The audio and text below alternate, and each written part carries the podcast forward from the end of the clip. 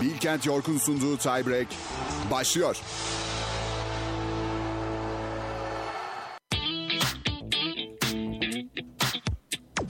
Evet efendim 96.6 frekansından Radyo Bilkent stüdyolarından yepyeni sponsoruyla Bilkent York'un sunduğu Tiebreak an itibariyle başladı. Mikrofon başında ben Mert Can Arıcı. Sevgili Aral Alpas'la birlikteyiz bugün. Programın ilerleyen saatlerinde de Sevgili Enes Sac Can. Ayağı'nın üçüncü kısmı bizim tamamlayıcımız. Her şeyimiz sevgili Enes Can da bizlerle birlikte olacak. Ee, önce bir sponsorla bir başlayalım istersen. Başlayalım Kısaca. abi. Ee, Serdar Ali Çelikler'in Fenerbahçe yönetiminde sushici tayfa dediği bir tayfa vardı. Ee, biz de artık bir sushici tayfayız. Ee, öncelikle York'a buradan teşekkür etmek istiyorum tabii ki. Ee, bizlere sponsor Selam olduğu söyleyelim. Bilkent'in en iyi restoranı. Aynen öyle. Yani ben hem sushi hem de Moğol tavuğu Moğol tavuğu zaten bütün öğrenciler olarak- arasında da Ki aynen yani radyoda ve okul genelinde de aslında hatta benim en çok gördüğüm böyle sipariş edilen e, insanları yerken gördüğüm yiyeceklerden biri York'un Moğol tavuğu gerçekten. yani sevmeyen yoktur diyebilirim gerçekten. Evet evet yani e, Sevmeyen kişi de henüz daha yemediği için sevmiyordur. e, biz de bir sushi yapalım bu hafta. Yaparız bir ara. Bir hayırlayalım. E, evet sponsorumuzla birlikte bugün neler konuşacağız? Yani York'un muhteşem menüsünün yanında biz de bir ana menümüzü verelim istersen. Şöyle NBA ile açıyoruz bugün. Alışılmışın dışına çıkıyoruz. Sevgili Enes Can yokken bir Aynen bir sepet, Sepet topunu topu bir konuşalım. e, sevgili Enes yokken halledelim dedik biz. Sonrasında e, Şampiyonlar Ligi yarı final eşleşmelerini konuşacağız ki geçen hafta da biraz aslında değinmiştik buna. E, sonrasında da e, Süper Lig gündemimiz var. Trabzonspor kalan haftalarda bir puan daha toplaması halinde şampiyonluğunu ilan edecek ki bundan da yayının ilerleyen kısımlarında e, bolca bahsedeceğiz. Bu hafta zaten e, sanki haftanın böyle en nabzı yüksek, en olaylı maçı e, Trabzonspor, daha doğrusu Adana Demir Trabzonspor mücadelesiydi. E, Çaykur Rizespor deplasmanında daha maçın ilk dakikasında 10 kişi kalan bir Çaykur Rize ve e, maçı 6-0 kazanan bir Fenerbahçe vardı. Galatasaray erken bulduğu bir golle ve bence ortalamanın üstü bir ilk yarıyla ya işte biraz toparlanıyor dedirtti. Sonra maçın ikinci yarısında bambaşka bir şey gördük. Yani belki sezonun en kötü Galatasaraylarından biriydi ikinci yarıdaki. Ee, Beşiktaş maçı bugün. 2015'ten beri Evet evet. Yani ilk şöyle, defa bir yarıya e, kaleyi bulan bir Opta- şutu olmadan. Opta 2014-15 Şutu mu? sezonundan itibaren bu istatistiği tutmaya başlamış ve Galatasaray'ın maçın ikinci yarısını kaleye şut atmadan, kaleyi bulan şuttan Evet, bahsediyorum. kaleye şut Direkt atmadan hani. şut istatistiğinden bahsediyorum. Şut atmadan tamamladı. Başka bir maç ikinci yarısı olmamış. Ee, her şeyin bir ilki var. İlklerle dolu bir sezon oldu. E, bu akşam da aslında çok kritik iki maç var. E, Avrupa kupalarına katılma yarışını yakından ilgilendiren iki mücadelede Beşiktaş bence sezonu pozitif futbol oynayan özellikle de ligin ikinci yarısıyla birlikte ekiplerinden biri olan Kasımpaşa'yı ağırlayacak. E, Sivas Spor'da Alanya Spor'la karşılaşacak ki kupada da bu ikili aslında yarı finali oynamışlardı ve e, de, rövanş öncesi avantaj elde eden bir Sivas Spor var ama e, bu maç bence e, Alanya Spor açısından hani en az kupa kadar önemli. Çünkü buradan da Avrupa'ya katılma ihtimalleri var. Sivas Spor 10 kişi kalıp 2-1 kazanmayı başarmıştı kupa mücadelesinde deplasmanda diyelim. Ve istersen şöyle bir ufak Süper Lig özeti geçtik zaten. Bir fragman verdik. Aynen o E, ama programın devam eden bölümlerinde zaten daha detaylı bir şekilde Aynen konuşacağız öyle. onu. Aynen öyle. Ee, NBA ile NBA'de de şöyle e, benim tam beklediğim gibi giden birkaç seri var. E, ki biz hani sen geçen hafta yoktun. E, serilere şöyle bir ön bakış atmıştık. Daha doğrusu ben atmıştım. E, ve yani dediğim gibi ona çok paralel giden seriler var. Bir çok bambaşka gelişen var. şeyler var ve e, tabii ki yani şu an NBA playoff'ları ilk turunun hikayesini belirleyen şeylerden birisi de aslında sakatlıklar oldu bence. Evet. İşte Her zaman öyle oluyor ya zaten. tabii ki. Yani bu da bu sporun hatta her sporun bir parçası yani sakatlıklarda. işte Devin Booker'ın sakatlığı, Chris Middleton'ın sakatlığı ki e, bence o sakatlığa hemen sonrasında Milwaukee iyi iş çıkardı. Birazdan konuşuruz. İstersen hani Milwaukee geçen ile başlayalım. e, şeyle gitmiştik. Doğu 1-2-3-4 eşleşmeleri sonra Batı 1-2-3-4 diye. Yine öyle yapabiliriz istersen. Miami Atlanta serisiyle başlayabiliriz. Miami Atlanta serisiyle başlayalım. En son konuştuğumuzda bütün maçlar yeni mi oynandı? Siz Ee, konuştuğunuz zaman geçen hafta bir anımsayamadım tam. da. Şöyle biz geçen hafta konuştuğumuzda ilk maçlar mı oynanmıştı? ilk maçlar oynanmıştı. Evet aynen ilk maçlar Tamam oynanmıştı. Miami Atlanta ile o zaman. Şöyle e, Miami Atlanta serisi hani dedim ya bazı seriler çok beklediğim gibi gidiyor diye. Tamamen beklediğim gibi gidiyor. Ya ben Miami savunma olarak zaten özellikle Trey Young'ı boğuyorlar. Trey Young hatta bir istatistik gördüm. Ee, hani başarılı şuttan da, başarılı şut sayısından daha çok top kaybetmiş Trey Young seri boyunca şu ana yani kadar. maç başı 6 top kaybı olması lazım. 16 sayı ortalamasıyla oynuyor ki yani Trev standartlarında rezalet diyebiliriz. Yani Ee, rezalet her, herhangi bir oyuncu için standart. Bir Ya, de yüzdesine de Abi bakacak olursak. tamamen şöyle bir durum var ki yani bu bence biz de dahil olmak üzere herkesin seri öncesi öngördüğü bir durumdu. Ya fizik olarak Miami gerçekten hani ağır geldik ağır diye bir şey vardır ya gerçekten çok ağır yani. Çok çok atlet bir takım Miami gerçekten. Ve oyuncularına baktığın zaman da dediğim gibi fiziksel olarak da zaten gözüküyor. Hani hepsi güçlü, hepsi hızlı, hepsi bayağı sıçrıyor. Yani Trey Young ne yapsın? Bizden ya bizim kadar ya bizden daha az kısa bir oyuncu zaten kendisi de. Trey Young özeline baktığımız zaman gidiyor. Ben öyle gidiyorum çünkü hani o takımın yıldızı Trey Young. Ve genelde bir takımın yıldızını etkisiz hale getirirsen o takımı da etkisiz hale getirirsin. Ki bence Atlanta bu konuda yani diğer birçok takımdan kesinlikle ayrılıyor. Yani tamamen özellikle de işte Capella'nın sakatlığı işte John Collins'in sakat sakat oynaması falan derken tamamen tre eksenli bir Atlanta evet. görüyoruz ki bu sezon biraz hikayesi de oydu. Yani Atlanta çok kötü bir giriş yaptı sezona. Sonrasında toparlandılar. İşte bir ara yine bir kötü grafik yakalamışlardı. Ee, şöyle abi ya Trey Young zaten NBA'de hani fiziksel bir üstünlüğü kurarak en fazla sınırlayabileceğiniz oyunculardan biri. Çünkü hani ufak. Yani başka hani bir açıklaması yok bence hani teknik Bizden olarak. daha kısa. Ee, Cidden. şöyle bir durum var bir de Miami'de aslında Bam Adebayo özellikle hücum anlamında bence çok kısıtlı e, ve yetersiz bir performans göstermesine rağmen seri genelinde Miami bence çok kötü hücum etmiyor. Ya burada Jimmy Butler da sezonda gösterdiğinden daha üstün bir performans Ya gösteriyor. işte- playoff'larda zaten alışık olduğumuz şey de bu. Şöyle Atlanta'nın kazandığı tek maçta bence yani Jimmy Butler bütün eleştirileri hak etti. Ama son maça baktığımızda da bambaşka bir Jimmy Butler İkinci vardı. maçta da 45 sayı attı bu arada. Ee, ya işte dediğim gibi yani bence hani su kaynattığı maç zaten Miami'nin kaybettiği tek maçtı. Orada işte ben şey demiştim. E, Trey'e bir maç yazıyorum e, demiştim. Bence bu arada hani e, benim söylediğimden farklı olarak Atlanta'nın kazandığı maç çok da böyle tek başına Trey önderliğinde gelmiş bir maç değildi. Biraz daha kolektif e, iyi hücum eden ve en azından Miami'yi yarı saha hücumunda biraz sınırlayan bir Atlanta Hawks gördük. Ya zaten playoff'larda her şeyden önce öyle bir kazanırsın ve Miami'nin de zaten Trae Young'a bu kadar yoğun ilgi gösterdiğinde hani takımı eğer adam akıllı oynamazsa hiçbir şekilde kazanamaz. Atlanta'nın herhangi bir maç kazanması için ya da kazandığı maçta da olduğu gibi takımının da iyi oynaması lazım. Çünkü Trae Young'ın çok iyi oynayabilecek bir durum olduğunu zannetmiyorum. Çünkü e, zaten yalnız bir yıldız olarak takımında Miami çok rahat bir şekilde odaklanabiliyor onu savunmaya. Yani e, bu serinin hikayesi biraz şuydu bence. Atlanta Lig'in en iyi hücum takımlarından biri. E, ben ilk 5'e yazarım. Tam sağlıklı bir Atlanta'yı. E, savunma olarak da en kötü 5 takımından biri bence.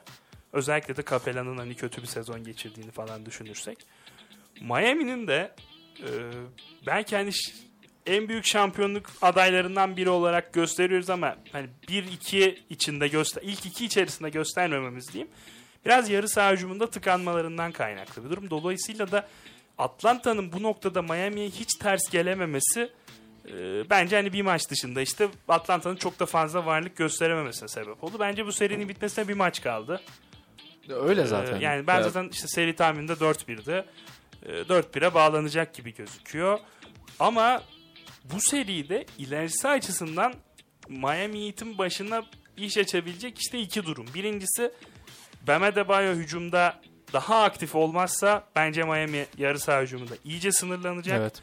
Artı yani Miami'nin kaybettiği tek maçta da şunu gördük.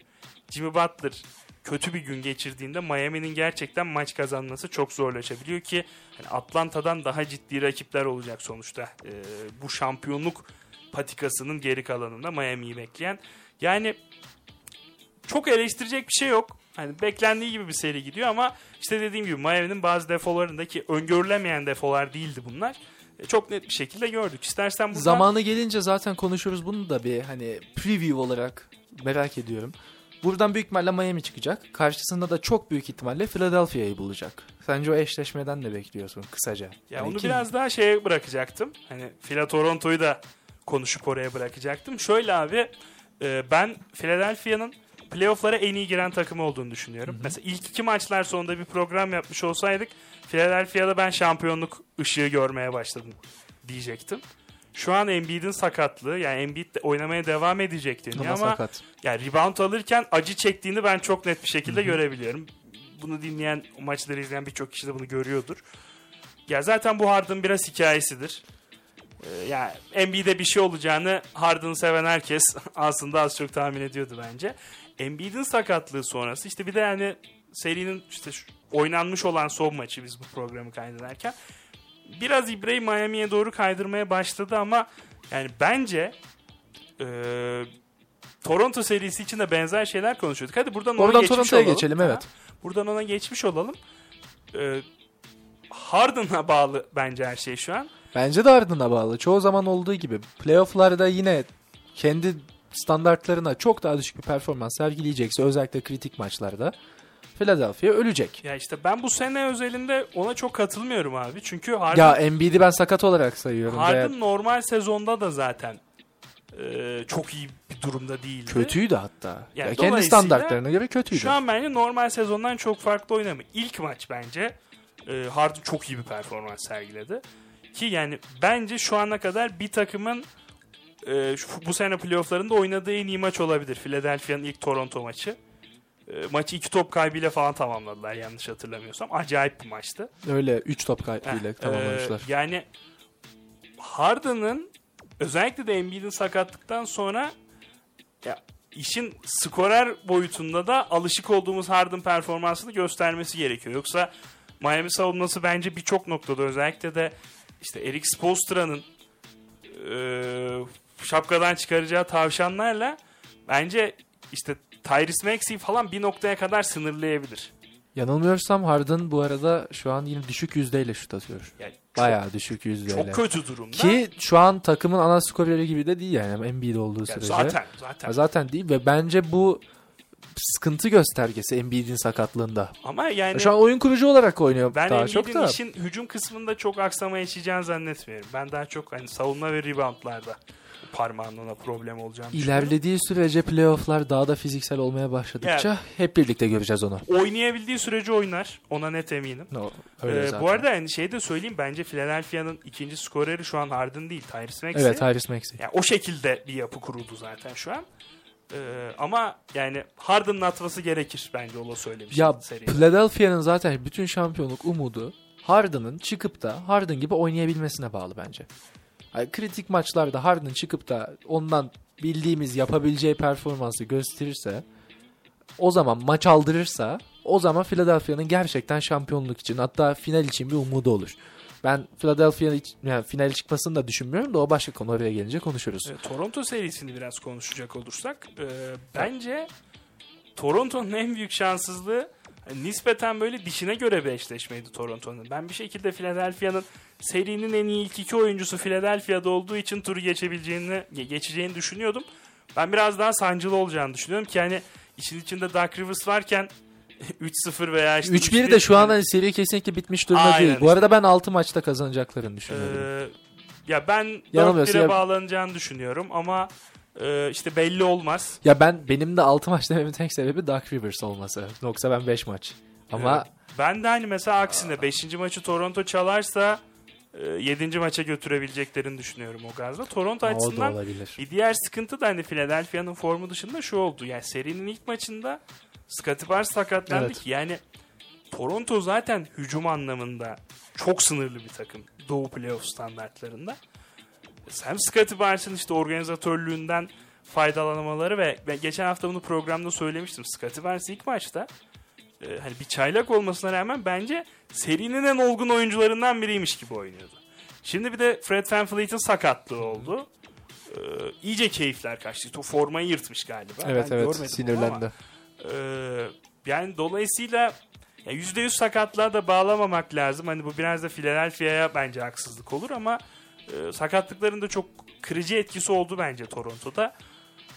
Ya ben dediğim gibi ben 4-1'e bağlanacağını düşünüyorum. Ben de hani senden tam farklı olarak 6. maça Kanada'ya giderse seri ben 7. maça taşıyacaklarını düşünüyorum.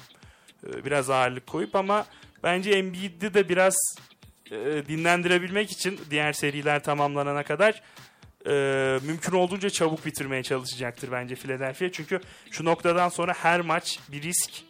E, ben hani sonuna kadar asılacaklarını düşünüyorum 5. Bence maçta. de dinlenecekleri seriyi- süre çok yararlı olacak. Ya işte çok ne kadar olacak. dinlenebilecekler o da meçhul. O çünkü da evet çünkü hani Miami Miami'de serisi zaten de bitiyor gibi ama e, yani ben Philadelphia'dan genel kanıya göre e, daha iyi bir takım çıktığına herkesin ikna olduğunu düşünüyorum. Playoff'lar öncesinde bence özellikle ilk iki maçı baz alacak olursak kimse bence bu kadarını beklemiyordu. Hatta ilk üç maçı da diyebiliriz ya yani üç, üç maçta da gayet iyiydi. E, Boston, Brooklyn.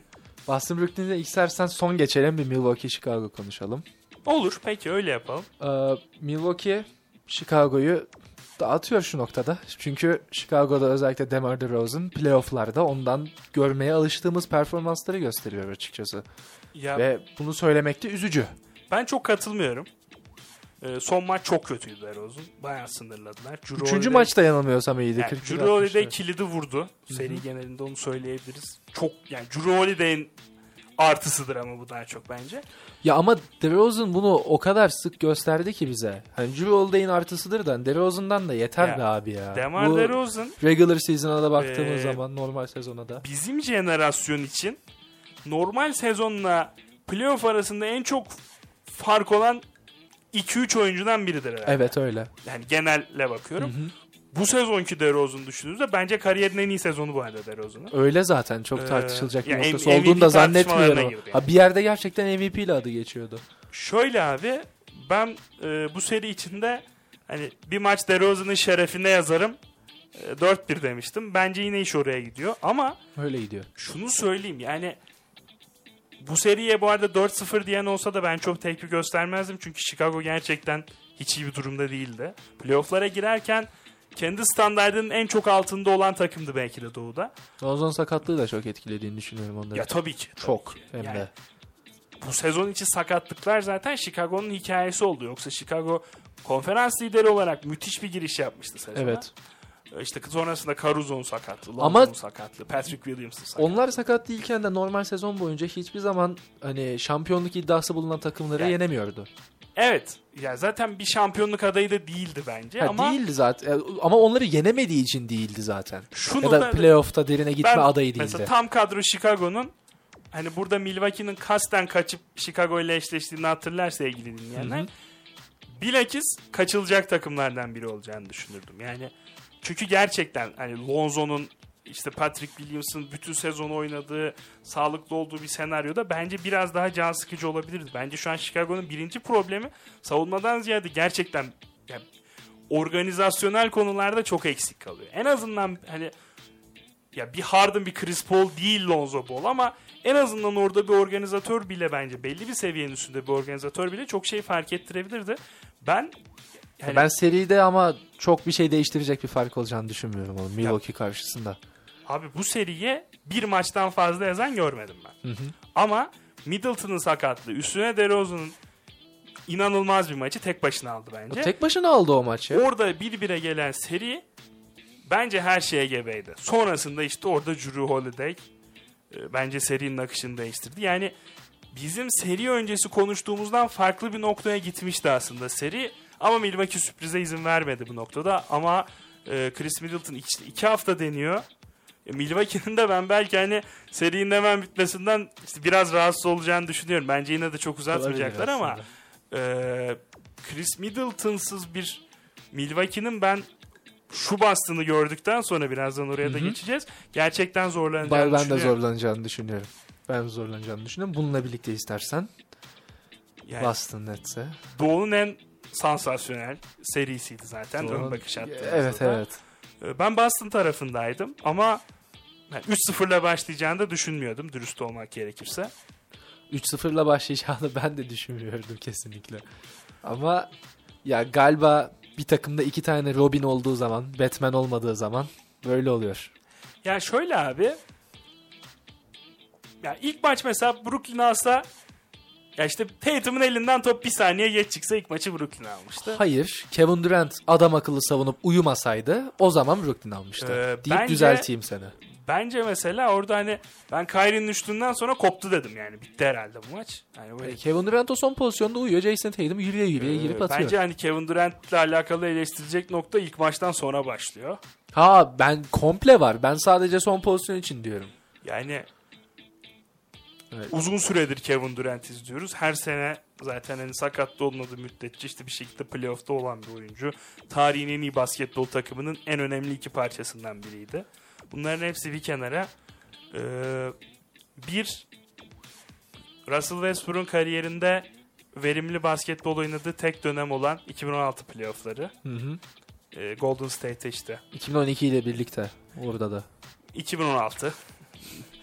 Ee, yani Russell Westbrook'un verimli oynayıp Kevin Durant'ın rezil ettiği bir seriydi bence Golden State serisi. Bu arada hani Evet. öncesindeki Spurs serisinde falan da Westbrook inanılmaz işler yapmıştı. Bu da e, işte Kevin Durant'in gerçekten çok büyük sıkıntı yaşadığı ikinci seri oldu. Ben kariyerinde 2016'yı da dahil ediyorum. Bu kadar devre dışı kaldığı bir dönem hatırlamıyorum. Şut yüzdeleri, isabeti falan her şey bir kenara. Hani Kevin Durant gerçekten saha içinde sindi bence. Şut yüzdeleri de bu arada Ee, o kadar yüksek değil. Ya değil zaten işte onun ötesinde de Onun bence. ötesinde de yok ya. Yani Jay- bence şöyle abi. 11 şut denemesiyle oynayan ve yani Bruce Brown'un 19 şut kullandığı bir Brooklyn'de 11 şut denemesiyle oynayan bir Kevin Durant 21 şut denemesiyle oynayıp hepsini kaçıran bir Kevin Durant'tan bile daha kötüdür. Kesinlikle. Bana Kevin Durant'ın bu serisi LeBron'un 2011 Dallas serisini anımsatıyor biraz. Ya dolayısıyla Ama Kevin Durant şu noktada şampiyonluk kazanmada tecrübeli bir insan olmalı. e, Ee, ama ya öyle bir görüntü yok bence şu an Brooklyn'de kesinlikle, kesinlikle. yok. Bu arada Jason Tatum'a da çok yazar bu. Tabii. Jason Tatum hani enerjisini ataktan çok savunmada Kevin Durant'i savunmaya özellikle harcıyor gibi gözüküyor. Yani Tatum, Fiziksel oynuyor, itiyor, çekiyor. Her zaman dibinde bütün şutlarına el kaldırıyor. Yani bayağı inanılmaz bir performans gösteriyor. Hani Jason Tatum bunu meydan okuma olarak kabul etmiş. Kevin Durant eşleşmesini ve şu anda üstele götürüyor açık ara. benim için playoff'ta bir seriyi kim kazanır sorusu sorulduğunda e, ilk düşündüğüm şeylerden biridir. Serinin en iyi oyuncusu kim? E, ve hani bu noktada ben hani Durant'ı karşıma alarak aynı bu cümleyi söylemiştim. Yine de Boston Celtics demiştim ama Durant'ı karşıma alırken işimin bu kadar kolay olacağını düşünmüyordum. Ki şunu da söyleyeyim. Evet kağıt üstünde tabii ki Kevin Durant'tir bu serinin en iyi oyuncusu. Tartışması bile olmaz ama evet. abi şu an baktığında Ben sağdaki Kevin Durant değil. yani parkedeki Jason Tatum bence diğer bütün oyunculardan başka bir seviyede. Yani inanılmaz. Oyunun iki tarafında da müthiş bir performans. Bence Jason Tatum'un kariyerinin en iyi dönemlerinden biri oluyor şu seri. Ve ben e, Tatum'un bu oyununun, bu dominantlığının ki hani zaman zaman saha içinde kaybolduğu için eleştirilen ve işte ya işte yıldız sınıfına sıçrayamayacaksa bu yüzden sıçrayamayacak denilen bir Jason Tatum'un sahanın her tarafında çok aktif ve dominant olduğunu görüyoruz. Aksine de Kevin Durant de inanılmaz pasif kaldı. E, tabii ki işte e, Brooklyn'in asetlerinin sınırlı olması savunmada kötü savunma demeyeceğim yani ya- savunma yapamıyor Hayır, olmaları savunma falan. yok. E, tabii ki çok ciddi problemler ama ben abi ya bu zaten yıldız oyuncuların serisiydi ve yani şu an Boston'ın yıldızları e, Brooklyn'inkilerden daha iyi durumda olduğu için e, yan parçalar da zaten Nets'inkilerden daha iyi. Böyle bir noktaya geldiğini düşünüyorum serinin. Belki ilk maçı Brooklyn kazansa başka bir hikaye izleyebilirdik ama Çok zannetmiyorum yani ben. işte çok SSA'larla da zaten yorumlanacak bir şey değil bu. Ee, Ben iki şey söylemek istiyorum bu arada. 4-0 biter mi? Önce onu sorayım. Bence biter. Bana, ya, Ya hiç belli olmaz ya. Sıkıntı şu. Şu an Kevin Durant çok kötü oynuyor. Bu arada konuşmadık çünkü her zamanki gibi yanındaki büyük yıldızın gölgesinin altında kalan bir Kyrie Irving de var. Ama o da çok kötü bir performans sergiliyor. Ama gerçek şu ki sağda Kevin Durant ve Kyrie Irving var. Ya şimdi bir maç çıkıp rastgele ben atıyorum abi diyebilir ikisi de. İşte bence bu maç o maç. Ama Ama yani, yani diye bir o yüzden kesin bir şey söyleyemiyorum. işte şu noktaya da gelmiş olabilir. Şimdi 3-0'dan dönmüş bir seri yok. Yok. Ee, ve yani Kyrie Irving'in de Kevin Durant'in de biraz böyle değişik kafalar olduğunu düşünürsek Kyrie Irving'in bu arada ne dediğini biliyor musun? Sen bitirdikten sonra söyleyeyim. iş bence şuraya da gelebilir. İşte yani bu iki ucu keskin bıçak. Yani biraz dengesiz karakterler oldukları için inanılmaz bu eleştirilerden motive olup dördüncü maçta bambaşka bir şey de izletebilirler. Ee, işte 2017 mi 18 mi Harden son saniye basketi atınca Howard bench'te üzülüyor seri bir maç daha uzadı diye. 18 galiba. Ee, o kafaya da girebilirler. Onu görmek lazım. Ben biraz daha hırslı çıkacaklarını düşünüyorum. Ben dördüncü maçı Brooklyn kazanacağını düşünüyorum bu arada. Ama sonrasında TD Garden'da 4-1'e bağlanacağını düşünüyorum. Ee, ya şunu söyleyebilirim. Ha, 3-0 olunca sanki böyle şey gibi oluyor. Yani çok keyifli bir seri değilmiş gibi gözükebiliyor Ama ama, keyifliydi. abi bence müthiş Boston'ı bir seri izlemek oluyor. mü- müthiş keyifli bir şey. Boston çok keyif veriyor. Bence şu an Marcus Smart da çok keyif veriyor bana. bir numaraya çıkmış olabilirler. Ee, Chris Middleton'ın, Joel Embiid'in sakatlıklarıyla birlikte. Ve yani şunu da söyleyebilirim. Ben mesela ilk maçtan aldığım keyfi playoff'ta şu an hiçbir maçtan almadım. Ben şunu söylemek istiyorum. Jason Tatum bu arada bu seride Kevin Durant'ı meydan okuma gibi olarak görmüş ve üstün bir performans sergiliyor senin de dediğin gibi. Bu bana şeyi anımsattı. 2018'de de Jason Tatum'un çaylak sezonuydu yanılmıyorsam o zaman. Hani asıl piyasaya çıktığı seri de 2018 Cavs'e karşı olan seriydi. LeBron'a karşı oynadı. Yani Jason Tatum buradan gerçekten meydan okumayı seven ve buna karşı oynamayı seven bir karakter gibi gözüküyor. Bu serileri de seviyor zaten. Karakterinde bunun olduğu belli bir şey. Ee, ikinci olarak Kyrie Irving hakkında konuşmadık. Çünkü Kevin Durant'in gölgesine kalıyor ancak o da gerçekten kötü bir performans sergiliyor. İlk Şutları maçı ayırırım. girmiyor. İlk maçı ayıralım. İlk maçı ayıralım. Ama onun dışında yani ortalıkta yok diyebiliriz o da. Ee, Kyrie Irving de yanılmıyorsam şey dedi sen 3-0'dan geri dönmekten bahsettin de yanılmıyorsam son maçtan sonra işte e, gazeteciler Kyrie Irving'e işte sen 2016'da 3-1'den geri döndün falan diye soru soruyor. Irving de şey diyor. E, 2016'da yaptığımızı buna şimdi karşılaştırmak benim o zamanki arkadaşlarıma hani hakaret falan olur. Ben böyle bir karşılaştırmaya gidemem diyor. Hani birazcık bana burada şey gibi geldi. Şu anki takım arkadaşlarını da otobüsün altına atıyormuş gibi hani. Ya zaten ya tabii Lebron vardı falan yanında da. yani. özellikle de 4-0'a bağlanırsa bence Brooklyn'de kazan kaynamaya başlayacak. Ben ben 4-0'a bağlandığı durumda hatta 4-0 olmak zorunda değil 4-1 durumunda da hani yazın Kevin Durant'in Kyrie ile oy- oynamak istemiyorum falan filan gibi söylemlerin çıkacağını Yani düşünüyorum. İlk yanan bence e, Steve Nash olur bu arada. Yani rezalet Steve Nash'i de Kevin Durant ile Kyrie Irving istemişti. Ee, ya dediğim gibi bence ilk Steve Nash gemiyi terk etmek durumunda kalacak ya da adayı diye. Hı hı. Ee, ama daha başka daha radikal durumlarda yaşanabilir. Ben şeyi çok merak ediyorum abi.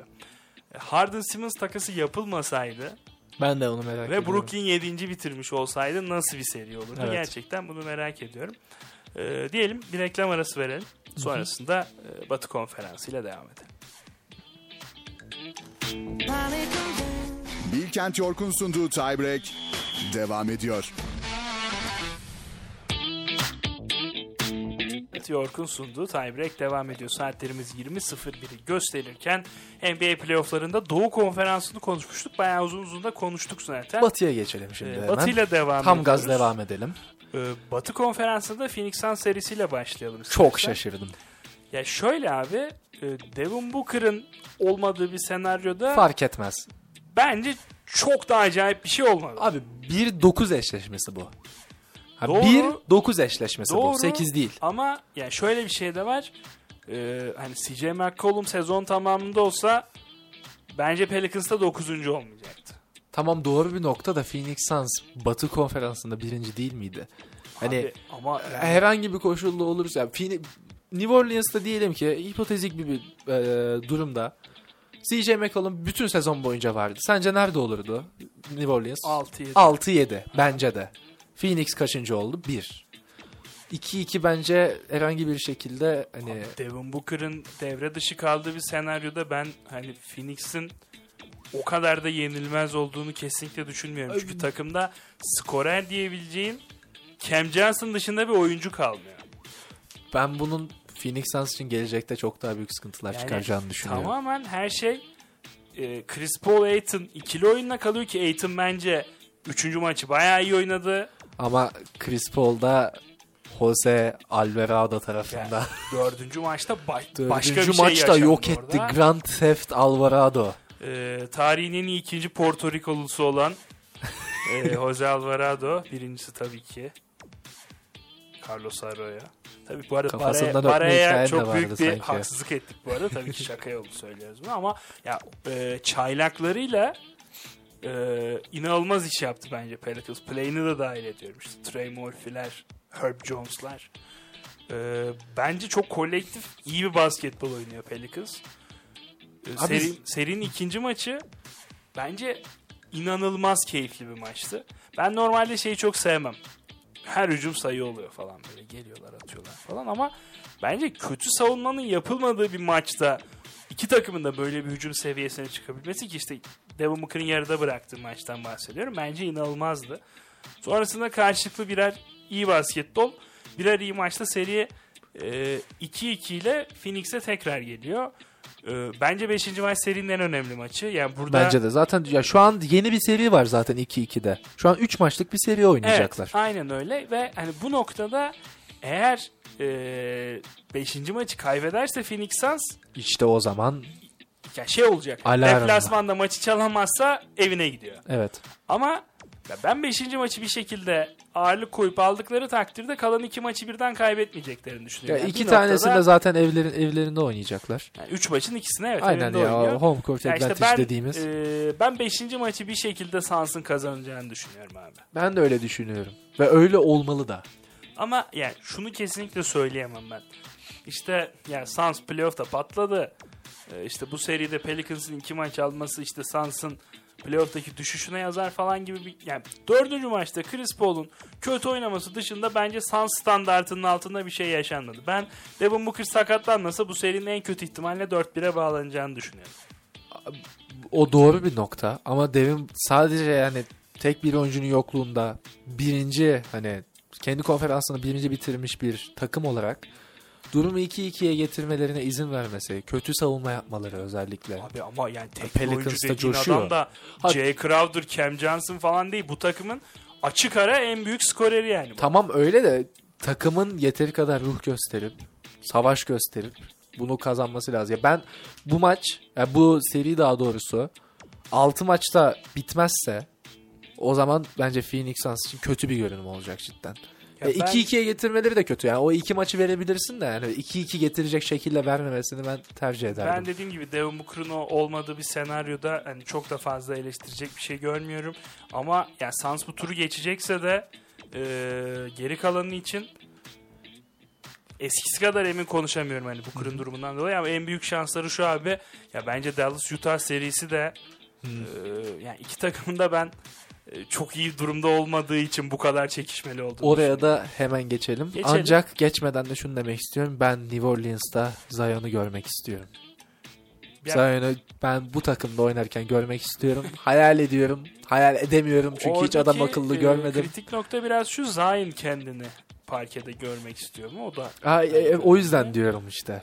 e, Ya adam sakatım diyor ondan sonra ne yap? 360 mı smaç basıyordu? Yoksa sabit sadece vertical'dan bacak arası smaç mı basıyordu? yani dolayısıyla e, ben hani Pelicans'a hani Sezar'ın hakkı Sezar'a e, ama Suns konusunda çok eleştirilecek bir durum olduğunu dediğim gibi hani son maç Chris Paul performansı o da arada olur. E, onun dışında düşünmüyorum.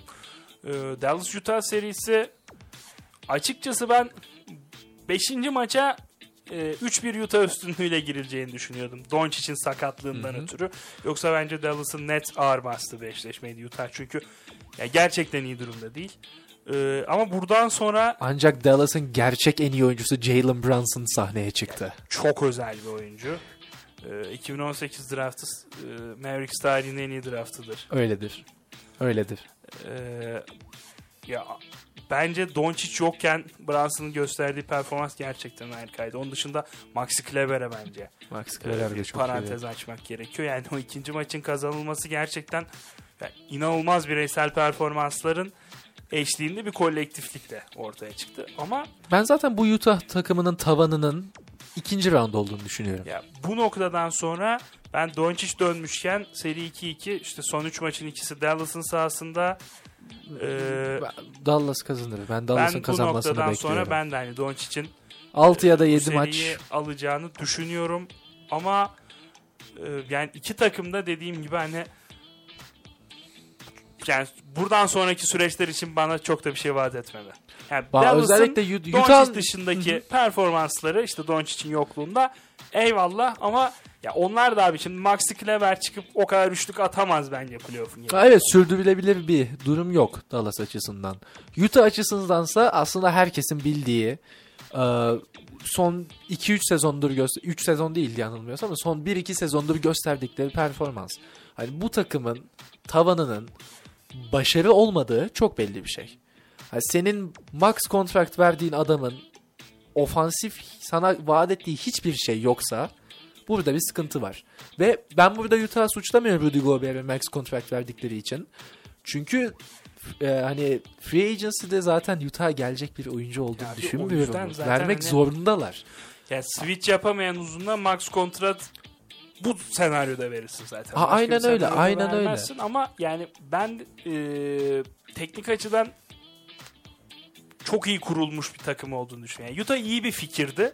İyi bir fikir kesinlikle Ama- de olmuyor ne yazık ki. Ee, olmuyor. Ya bir noktadan sonra işte Mitchell Gober uyumunun hani teknik uyumdan değil yani tamamen Aynen. psikolojik ve işte sosyal konulardan bahsediyorum.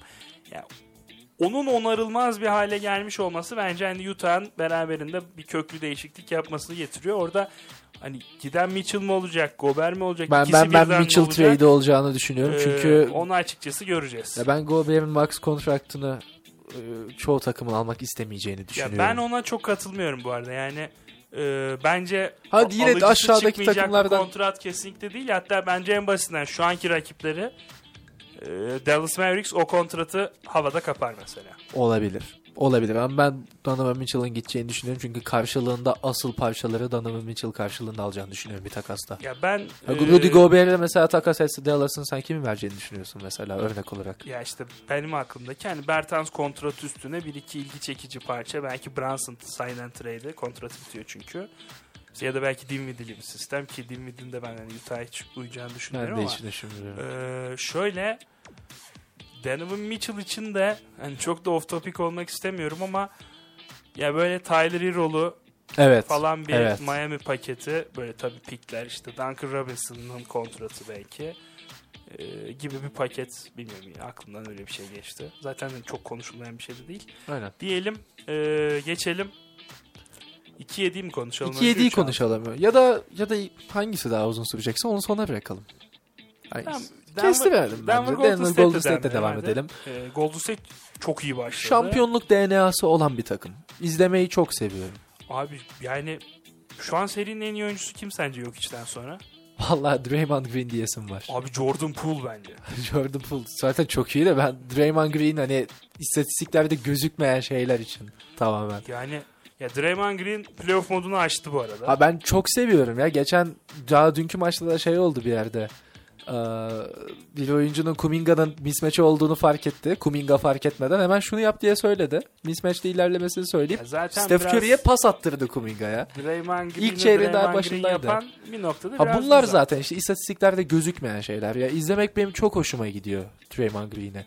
Jordan Poole çok iyi oynuyor zaten ve hani Jordan Poole'un iyi oynadığını görmek beni çok mutlu ediyor. Çünkü G League'in ve ligin bu açıdan gelişme açısından çok önemli bir e, parça olduğunu düşünüyorum. Ve Jordan Poole gibi oyuncuların da NBA'de özellikle playoff'larda gösterdiği üstün performansla G League'e daha fazla böyle dikkat çektiğini düşünüyorum. Ve hoşuma gidiyor bu.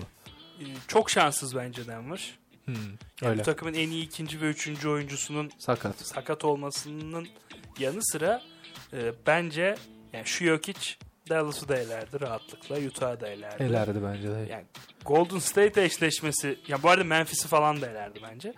E, Golden State eşleşmesi üzerine Curry'nin işte playoff ilk maçında da hani dakika sınırıyla da olsa e, işte geri dönüşü abi yani üçüncü sıradan işte Curry, Clay, acayip bir Jordan Poole, çok iyi durumdaki bir Draymond Green'li Golden State ile eşleşmeyi bence kimse istemez.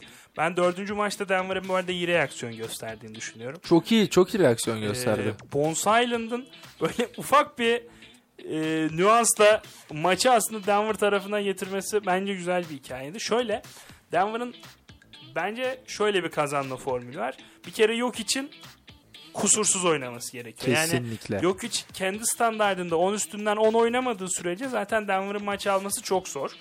Ki bence gayet iyi bir seri geçiriyor bu arada. Yok hiç iyi oynuyor. Ee, Bayağı ama iyi oynuyor. bir 10-10'luk Jokic performansının yanına bir de ikinci oyuncu ekleyebilmesi gerekiyor bence Denver'ın maç alabilmek için ki bu noktada işte hani e, işte Will Barton, Aaron Gordon, işte Bones Island hani bunlardan bir tanesinin o gün çok gününde olması lazım ki Denver Golden State'e karşı varlık gösterebilsin. Ki zaten son maçta Bones Island'la Marcus Morris de Aaron Gordon da iyiydi. Austin Rivers de aynı zamanda savunmada çok iyiydi. Top çalmaları özellikle Ya- çok kritikti. Buradan hani dönmez hatta hani belki 5. maçta bitecek bu seri ama ya bu noktada da işte dedim ya hani Suns Pelicans serisi için ya bence Suns'a kızmaktan ziyade Pelicans'ı övmek lazım diye. Bu noktada da bence hani Golden State'i övmemiz gerekiyor. Golden State çok iyi girdi playoff'lara. Ben Devin Booker'ın da durumunu göz önünde bulundurursak hani Batı zaten çok iyi bir durumda değil. Ee, ben Golden State'in Batı şampiyonluğu ihtimalini e, şu an çok ciddi görüyorum. Olabilir gerçekten.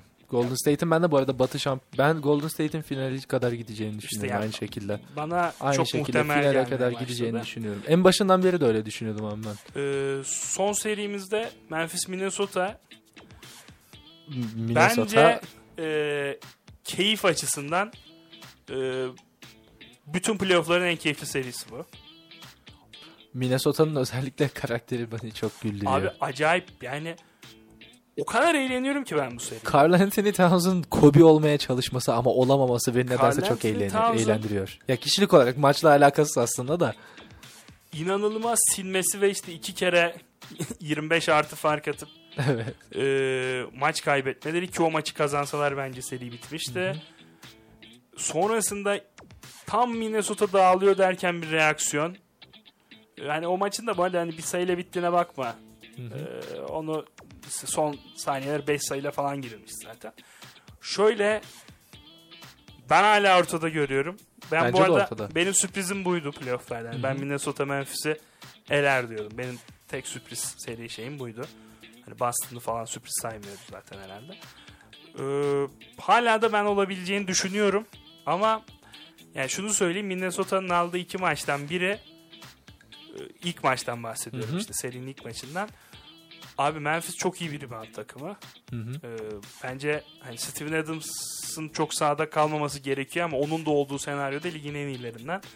Minnesota'da Jared Vanderbilt'i saymazsan işte Townsend'ın da aynı zaman zaman dışarıda oynadığını Evet, falan evet. düşünürsek işte hücumda e, kötü bir rebound takımı ama ilk maçta Minnesota Memphis'i e, McDaniels'ın da çok iyi oyunuyla reboundlarda çok ezdi. Patrick Beverly 6 rebound aldı Ee, ilk ve maçta. yani bence bu maç öbür türlü kazanılamazdı. İşte orada da Memphis'ten 2-0'la çıksa Memphis bence bir şekilde seriyi bitirecekti. Belki de dengeleri değiştiren maç ilk maç olmuştur. Her maçını keyifle, heyecanla beklediğim bir seri. 7. maça gitsin bu seri. Çok yakışır 7 maça gider gibi de gözüküyor. Ben bana da gider gibi geliyor. Ee, umarım da gider. Bir basketbol sever olarak oldukça mutlu olurum bundan. Ee, diyelim futbola doğru geçiş yapalım. Futbola doğru geçiş yapalım artık. Evet, şimdi Şampiyonlar Ligi'ne. York sponsorluğundaki ilk programımız. Hı hı. Biraz böyle seçenek soralım. Seçenek soralım abi. Ee, sizce NBA şampiyonu kim olur? Bir seçenek.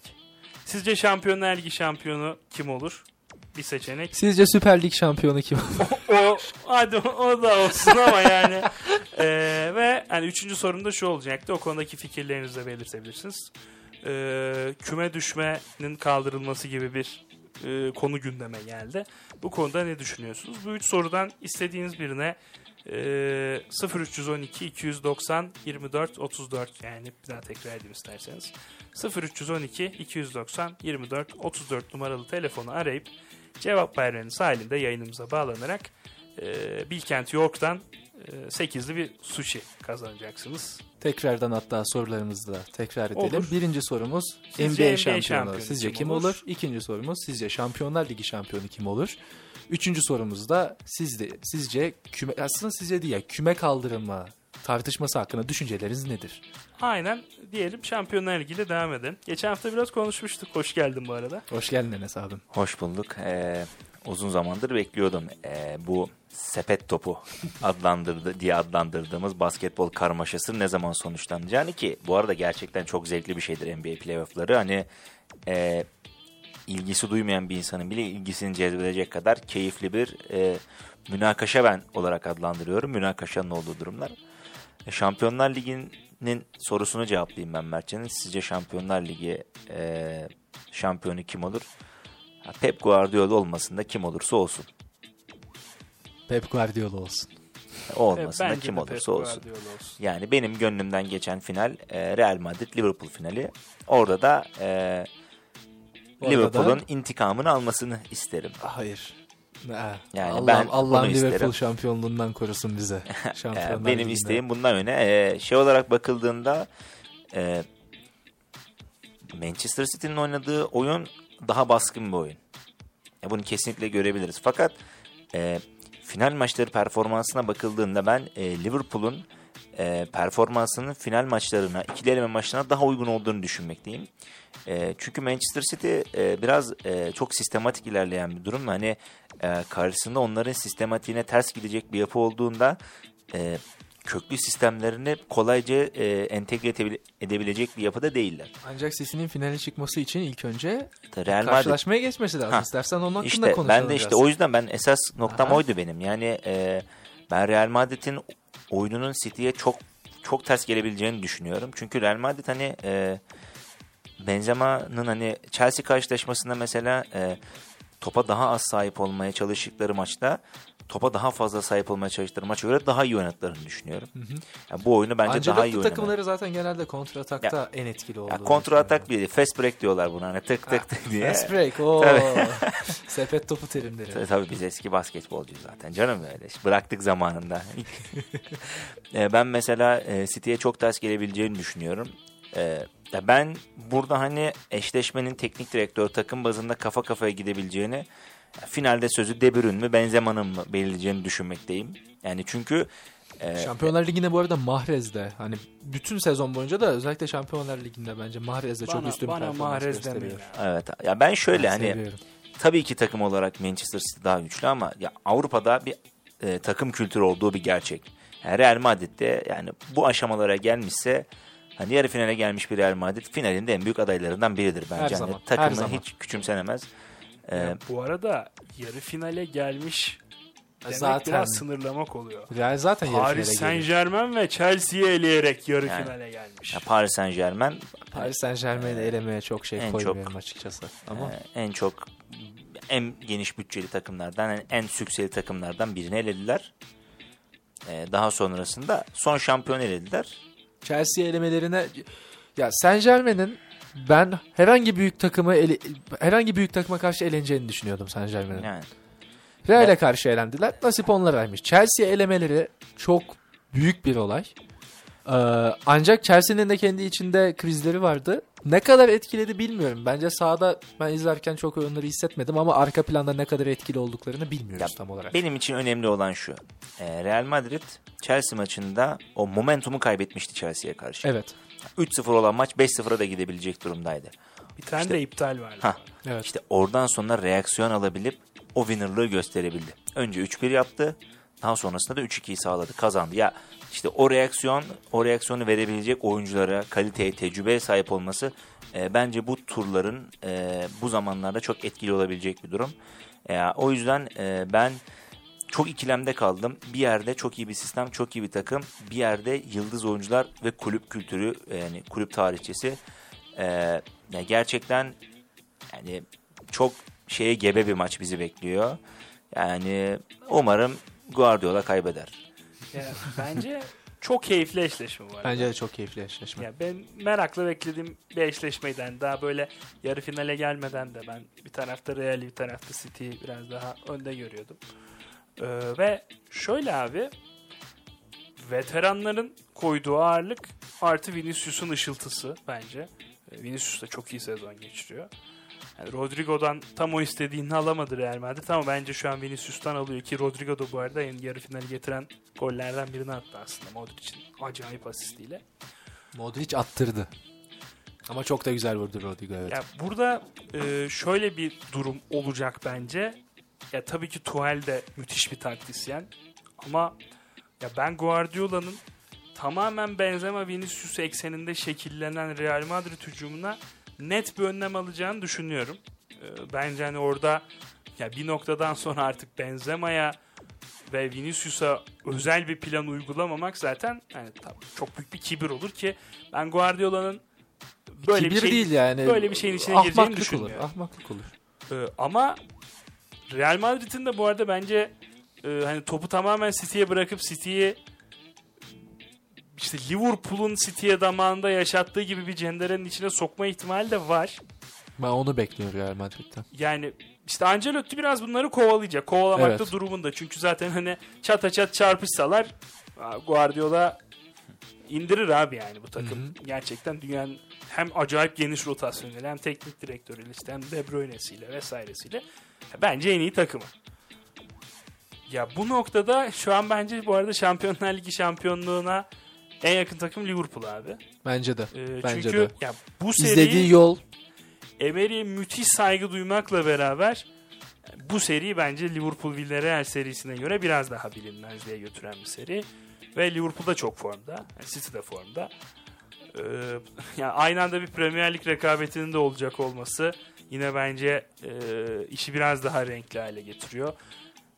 İşte iki takımın da işte yani City'nin mesela Premier Lig maçlarını bence etkileyebilecek bir Real Madrid serisi oynayacak olması.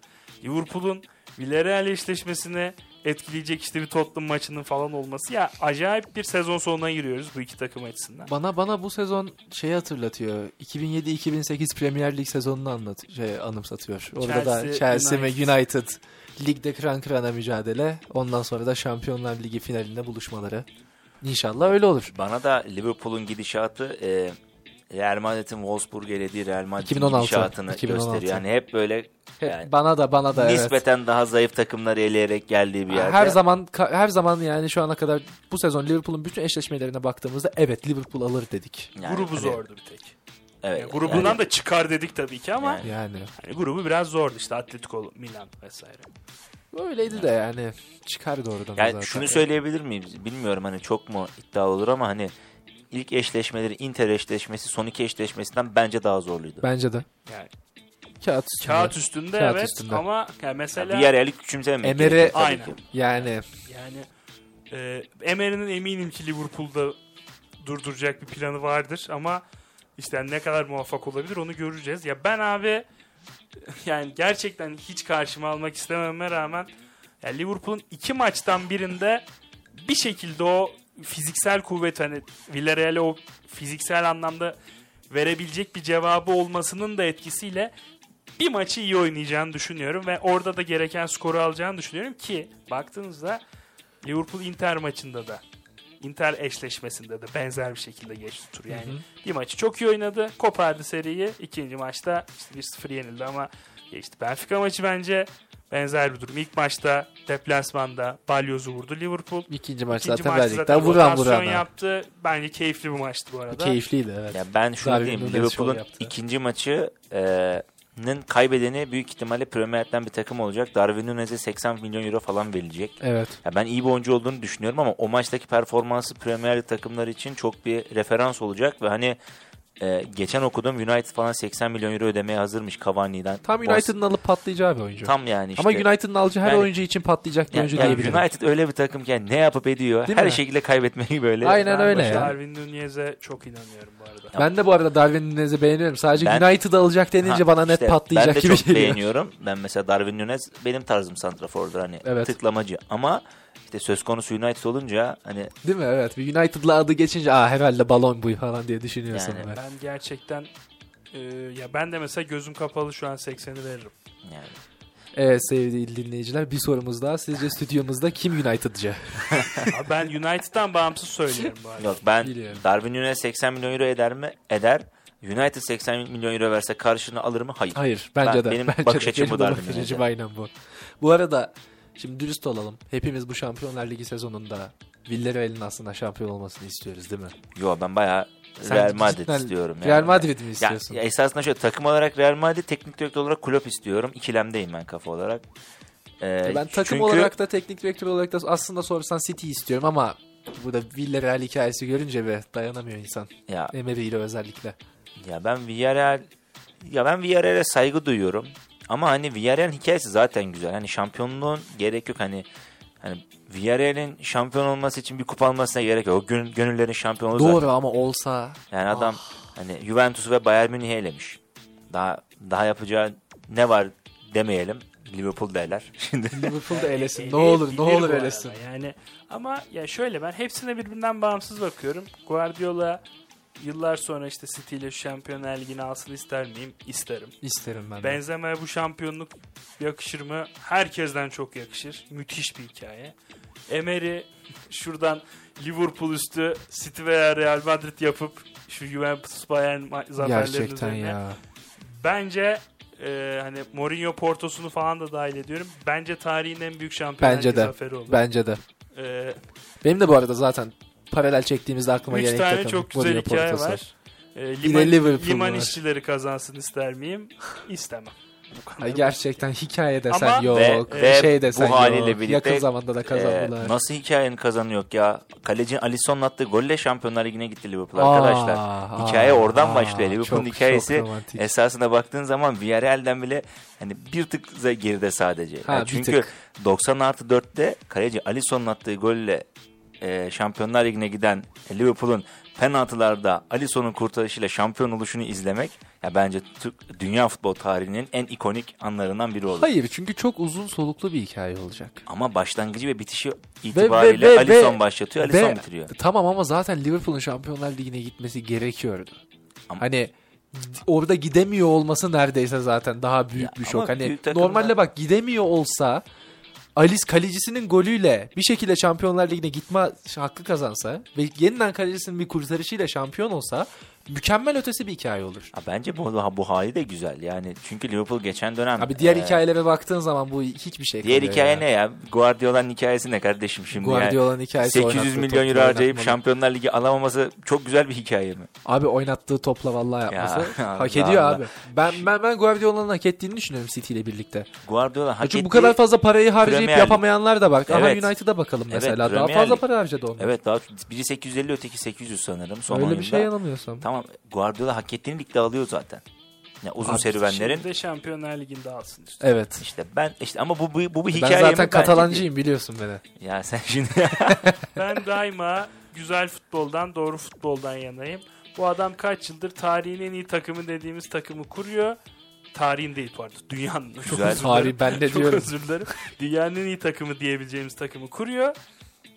Ligde ya zaten uzun maratonda bence Guardiola kalitesinden çok Ama o gösteriyor. rotasyonlar da çok etki ediyor. orada işte. duygulardan yoksun. Sadece teknik, taktik, analiz ve eee, nasıl diyeyim hesaplamalara bağlı futbolun doğru ve güzel futbol olduğunu düşünmüyorum. Guardiola bu arada hiç duygusuz bir adam değildir. Take the ball, pass the ball. Take the Yani, yani bayağı bayağı teknik taktik sahne. Benim dedi, demeye çalıştığım mesela Ancelotti'nin takımında bir şeylik var. Bu arada ben. Ancelotti'yi de şampiyon olarak görmek istedim. Real'i hiç sevmem Ya bir ama Real'in şampiyonluğu yani. da güzel ve Ancelotti de ha, zaten Şimdi ne zaman en yakın maçı da bilmiyorum da bir puan durumunda yani bir puan almaları durumunda Real Madrid şampiyon olacak ve Carlo Kim o ya? Ancelotti Trabzonspor mu? ama Yani- bunlarda gerçekten şampiyonluk yarışı vardı şimdi Yani. küçük bir. Ya orada son maçta Sevilla yenilmiş olsalardı bir şampiyonluk yarışı olacaktı. Yani Yani hakemler güçlü. yine de Real Madrid lobisi çok güçlü. çok bir şampiyonluk yarışı olmayacaktı ama e, bir araya gidelim isterseniz. Araya girmeden önce de tekrar hatırlatalım. E, bizden 8'li bir sushi menüsü kazanabilirsiniz. Bilkent York'tan sevgili sponsorumuzdan.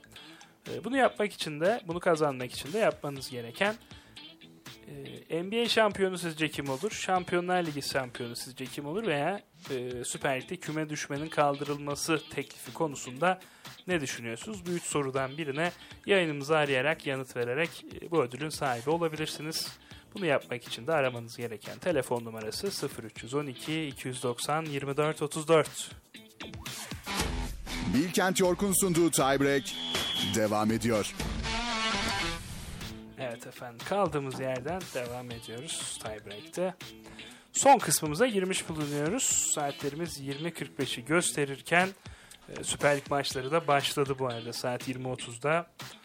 E, Beşiktaş'ın Kasımpaşa ile ve Sivasspor'un da Alanya ile oynadığını zaten e, programın ilk kısmında da hatırlatmıştık. Avrupa kupalarını yakından ilgilendiren iki mücadele özellikle Alanya Spor Beşiktaş için oldukça önemli. E, diyelim ve son kısımda bir Trabzonspor konuşacağız. Şampiyonluğa bir kala desek artık herhalde Zaten öyle. Yani hani bu kadar mı yakışır hani şey? Çünkü Trabzonspor bir puan alması takdirinde e, hatta Fenerbahçe'nin bir Yani- puan kaybetmesi e, takdirinde şampiyon oluyor.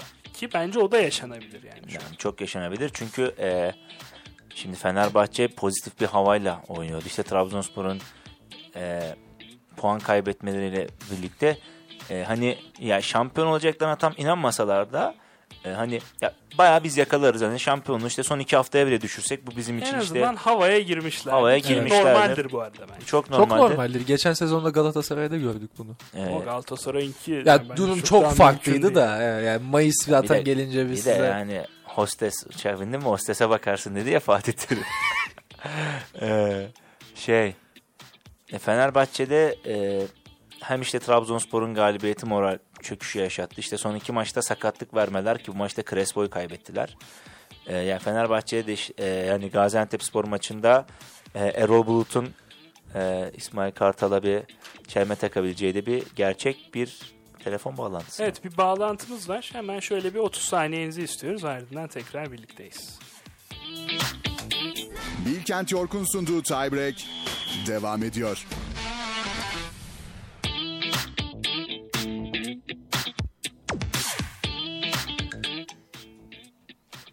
Evet efendim bir telefon bağlantımız var. Ee, sevgili Demirhan Sever bizlerle birlikte.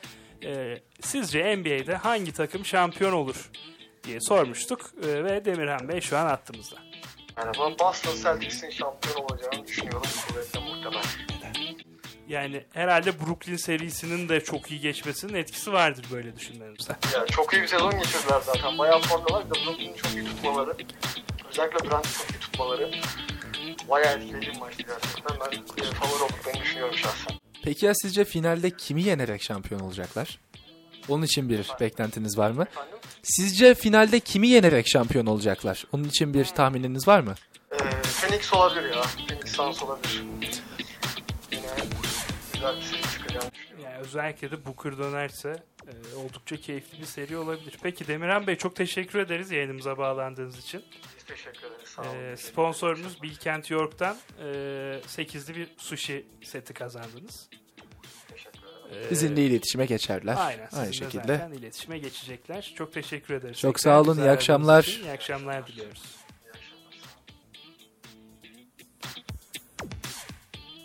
Evet. Evet Süper Lig konuşuyorduk. Biz de Boston Güzel. Celtics'i bayağı övmüştük. Güzel tahmin. zaten Boston burada. Celtics'i övmüştük zaten burada. Ee, Boston ben görmek isterim açıkçası Boston'ın şampiyonluğunu. Ya hoşuma gider. Benim Sen bir de 2008'deki şampiyonluğu falan böyle çok hatırlamıyorsun. hatta hatırlamıyorum çünkü o zamanlar izlemiyordum NBA'yi. Evet. Ya Boston çok sevdiğim bir takım olduğundan değil de ben sempatik buluyorum şu anki Boston Celtics'i. Ancak ben Zaten zaman gelince daha da güzel konuşuruz da. Ben E, Milwaukee'nin kazanacağını Ben düşünüyorum. e, bir Mertcan Hoca'ya sormak istiyorum. Bu 2008 Boston Celtics'i Big Three, Ray Allen, Paul Pierce, Ka- Kevin, Kevin Garnett. Garnett, aynen. Ha, Rajon Rondo'nun da yeni yeni çıkış yaptığı dönemlerdi diye Aynen aynen. İlk Aynen. sezonuydu zaten o. Trade Evet. olmuştu. Rondo da bir anda dördüncü olarak oynamaya başlamıştı. O sezonu ben e, hatırlıyorum o zamanlar tabii e, basketbolda ilgimi vardı. Final serisini gece kalkıp izlerdik. Küçüktük yani. Güzeldi. Şu zamanlar portakalla vitamin. Peki, hepimizin öyle olduğu bir dönemdi. Son Trabzonspor şampiyonluğu Gerçekten ama, öyle. ama Hayır son son değil. Ancak oraya Seni geçeriz. seviyorum. Ee, ama bu sezon e, bir puan daha alması takdirinde halinde Trabzonspor şampiyonluğa uzanacak. E, ya ben e, maç özelinde geçen hafta dedim ya burada Abdullah Avcı yiyeceğim diye. Ya, Afiyet olsun bu Maç e, tam Abdullah Avcı yeme maçıydı bu arada. Yani yani böyle çiğ çiğ yiyecektim gerçekten yine. Ya bir kere şunu söyleyeyim. Adana Demirspor maçında e, ya bence Vizca'nın pozisyonuyla beraber yani bence çok hoş olmayan bir pozisyondu. Vizca'nın pozisyonuna penaltı çalınması. Çünkü e, yani çok basit bir penaltı. Deplasmanda tıklım tıklım doldurmuş bir deplasmanda. Ve Adana seyircisi Ha, de yani. Adana evet seyircisinin Adana seyircisi de yerde- yani Trabzon seyircisinden daha tehlikeli olan Yani, tek seyirci olabilir. Ee, ilk darbede hemen bu kadar kolay penaltı çalınması ben karar yanlış bulmakla beraber e, kötü niyetli buldum. Bunu da açıkça söylemek istiyorum. E, bu kötü niyetli kararın ardından Trabzonspor penaltıyı bence Abdullah Avcı fair play olarak Abdülkadir Ömer'e kullandı. Bence de gerçekten yani bence, hocadan orada çok güzel bir hareket ama geldi. baktı ki hani Muriç yani Trabzonspor'un yenmesini istiyor. Gerçekten. Tek- Muriç dedi ki o fair play'e güzel bir fair play ile karşılık Evet, verdi. evet, Göztepe, Aynen e, Göztepe ve Gaziantep, Gaziantep, maçı gibi aynen. nazire yaptılar. E, ondan sonra e, Bruno Perez penaltıyı kullandı. E, daha sonrasında e, Trabzonspor bir Vişça Cornelius bağlantısı ki o gole bence Abdullah Avcı'yı yani sezon içinde hangi gol bu kadar tatmin eder diye sorsam yani Konya Spor maçındaki Vişka'nın golünden sonra bu golü derdim. Yani Vişka Cornelius bağlantısı ideal bir Abdullah Avcı hücum planıdır yani. Bunu Mertcan da doğrular bence. E, beni bu maçta mutlu eden şey e, Fenerbahçe maçında 1-0 öndeyken e, hiçbir şey yapmayıp izleyen Abdullah Avcı'nın Rakipte 10 kişi. ha, rakip 10 kişiyken yani hiçbir şey yapmayan Abdullah Avcı'nın 2-0 önde olmasına rağmen devre arasında Abdülkadir ve e, Kouassi'yi oyundan alıp Gianni Bakasetas'ı oyuna atmasıydı. E, bence e, bir duruş gösterdi. Yani orada hani ben bugün bu işi burada bitiriyorum.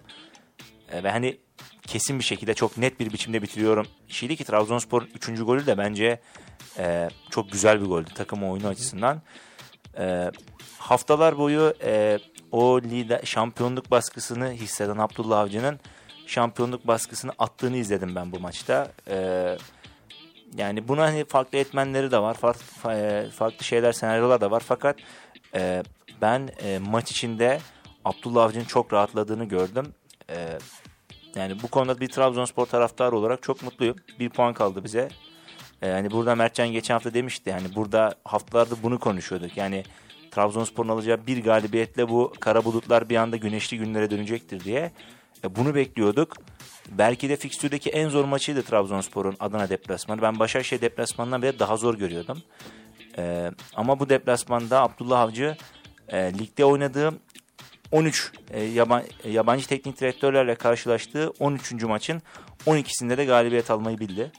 E, bu konuda da tebrik ediyorum kendisini. E, yani burada e, yediğimiz zaman da oldu ama hakkını verelim. Tebrik ediyorum ben. Beni Abdullah Avcı'yı tebrik ederken görünce nasıl gülesim geliyor.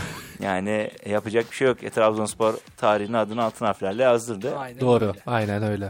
Bunlar duymak istediğimiz cümleler bu yayında. Bu arada maçta hakemin e, Yani erken bitirmesi de yeri. ya ben e, yani hakemin U12 maçı hatasıydı ben. Ben öyle yorumluyorum ben, onu. e, İnanamıyordum. Hakemin kötü niyetli olduğunu düşünüyordum. Ve şirazesi kaymak diye bir terim vardır ya. Evet. Ben hakemin maçın yönetimini kaybettiğini düşünüyordum. Ee, şu var.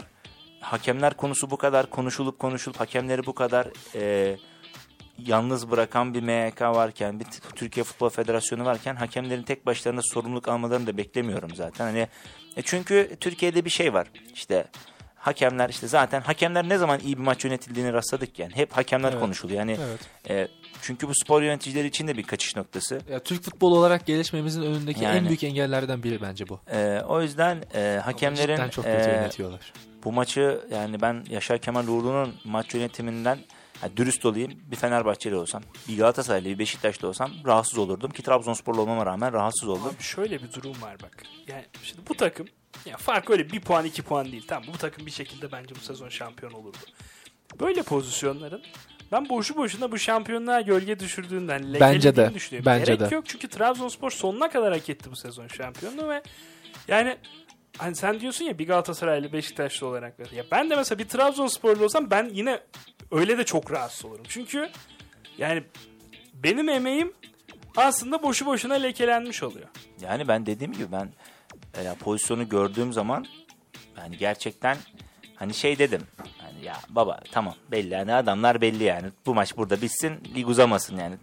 Bu maça yeterli. Yeterince uzadı gibi. Yani- Yeterince uzadı Ama gerçekten. abi şöyle bak Yaşar Kemal Uğurlu özellikle bence işte iki dakika erken bitirmesi ki işte oğlum aklımdaydı o aklımda oğlum vardı falan gibi bir açıklaması da olmuş galiba resmi mi bilmiyorum ama Adana Demirspor yönetimi bu konuda bir açıklama yaptı ama yani bu da büyük de TFF ve e, MHK'ya yazar yani bunlar da. abi şöyle bir durum da var ama bak penaltı pozisyonunda yani var uyarmıyorsa öyle bir pozisyonda var. Ya bir, bir, bir bak buna demiyorsa çünkü yani gerçekten bence penaltı yok pozisyonda. Evet. Yani ya bu pozisyonu orta sahada yapılsa faul çalar mısın abi sen? Hayır. Ya çalmamaya daha yakın olurum. Ya ben şey. de çalmam. Ya ben birazdan Ben temaslı oyun severim.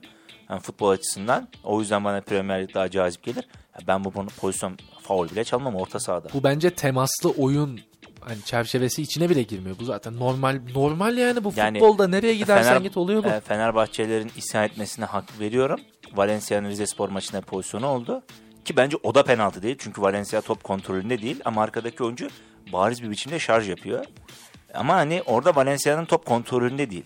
Ama onu devam ettiren e, Merkez Hakem Kurulu'nun hakemleri ya Vizca'ya en ufak bir dokunuşta penaltı verdi. Abi şimdi bak liglerin farklı standartları olabiliyor sertlik konusundaki. Yani ben dediğim Ama gibi bizim pozisyon bence gri bir pozisyon da yok. değil de. Ya şimdi bizim ligin standardı olmamız bir problem. Onun ötesinde bizim yani maç içi standartımız bile yok ki. Evet. Ya ben en büyük sıkıntının bundan olduğunu düşünüyorum. Ee, ama yani ne olursa olsun bence Trabzonspor işte bir puana kadar getirdi. Otobüs uçak bileti kalmamış.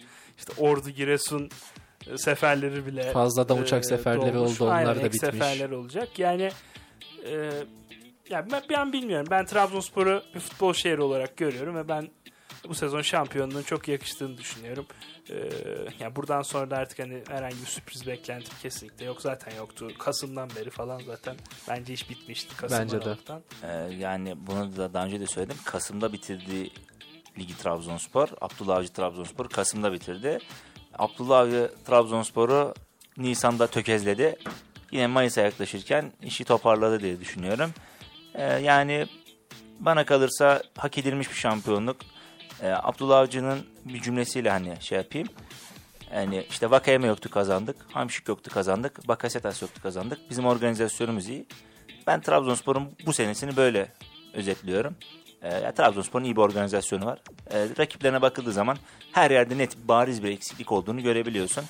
Ee, böyle bir e, bariz bir or- organizasyon üstünlüğü varken de yani bu şampiyonluğa leke sürmesine de kimsenin doğru bulmuyorum.